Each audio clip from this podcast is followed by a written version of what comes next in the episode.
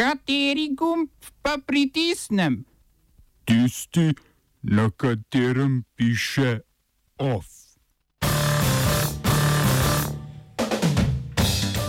V Izraelu verjetno nove predčasne volitve. Ponovne volitve tudi v Boliviji. Državni zbor o proračunih za prihodnje dve leti in DDV-ju za knjige. Mi, mi, mi, mi, mi, mi, mi v stari mestni elektrarni.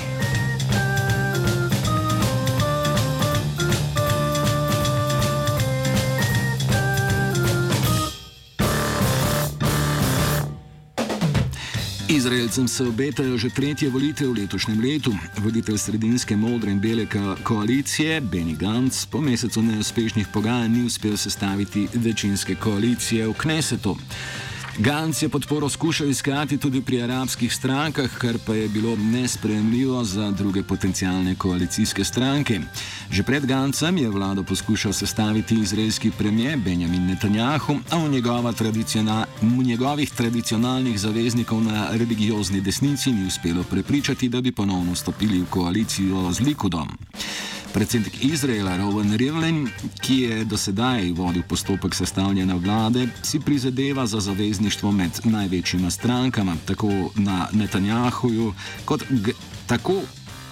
A tako Netanjahu kot Gantz izključujeta to možnost.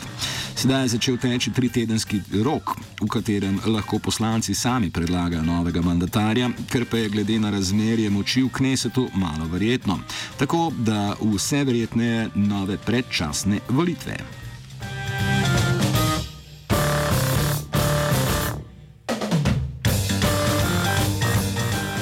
Nova vlada Bolivije je predstavila zakon, ki bo omogočil razpis novih volitev. Po zakonu bi bili rezultati zadnjih rednih volitev, ki so potekale 20. oktober, razveljavljeni, imenovana pa bo nova volilna komisija, ki bo določila, kako in kdaj bodo potekale naslednje volitve. Samo oklicana nova predsednica, senatorka Janina Anjes, je povedala, da bivši predsednik Evo Morales, ki je položaj zapustil na predlog vojske in se trenutno nahaja v Mehiki, ne bo smel sodelovati sodelovati na volitvah. V Boliviji, predvsem zunaj prestolnice La Paz, se medtem nadaljujejo nasilni protesti podpornikov Moralesa. Zgolj včeraj so varnostne sile ubile osem protestnikov, od začetka nemirov pa jih je, pa jih je v protestih umrlo že 32.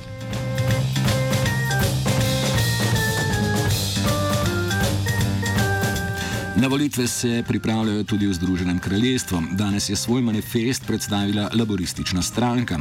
Program, ki ga je predstavil voditelj Jeremy Corbyn, predvideva veliko povečanje sredstev za javne investicije. Poleg investicije za boj proti podnebnim spremembam nameravajo laboristi investirati še v gradnjo socialnih stanovanj in brezplačnega širokopasovnega internetnega omrežja. Programe bi financirali z dvigom davkov za najbogatejše in za podjetja.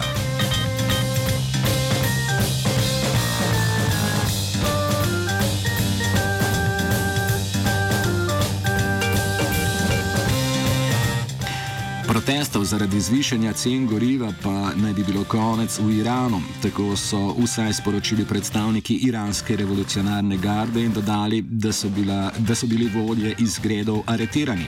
Organizacija Amnesty International je sicer povedala, da naj bi bilo v protestih v 21 iranskih mestih ubitih 106 ljudi.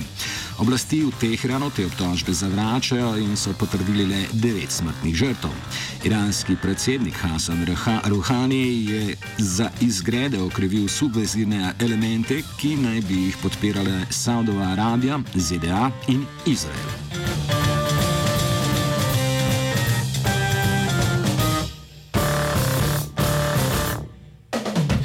V Zagrebu poteka kongres Evropske ljudske stranke, krajše EPP. Za novega predsednika stranke je bil izvoljen odhajajoči predsednik Evropskega sveta Donald Tusk. Zamenjal bo francoza Josepa Dola. Kongres EPP je ponovno pokazal na delitve znotraj zavezništva konzervativnih strank v Evropskem parlamentu.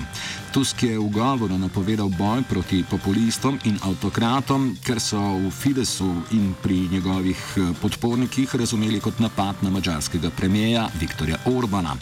Obe krili se sicer strinjata, da je evropska identiteta in evropski način življenja ogrožen in da bo naslavljanje te grožnje eden izmed povdarkov EPP v prihodnosti.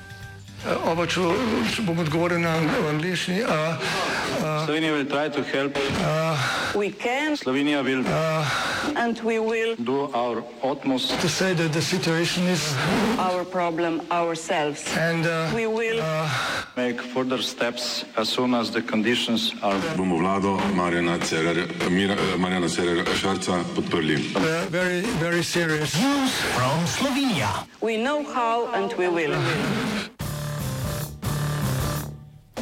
Državna revizijska komisija je zavrnila zahtevek za revizijo izbire izvajalca za gradnjo druge cevi predora Karavanke, ki sta ga vložila korektor G CPG in Gorenska gradbena družba.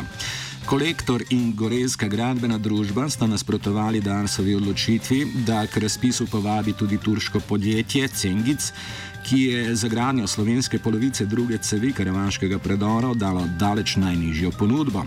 Cengic je pripravljen graditi za nekaj manj kot 100 milijonov evrov, medtem ko je bila ponudba kolektorja CPG in Gorenske gradbene družbe več kot 20 milijonov evrov dražja.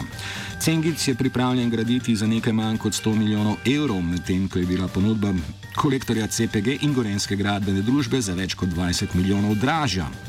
Na Darsu so z odločitvijo zadovoljni, saj to pomeni, da se lahko začen, začnejo pogovarjati z izvajalci. Dars je želani, za, za gradnjo želani izbral Cengic, a je državna revizijska komisija ta postopek razveljavila. Zaradi zapletov se je gradnja slovenske polovice predora zavlekla.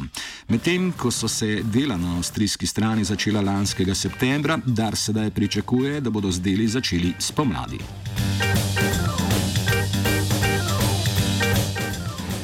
Je pripravil Gal.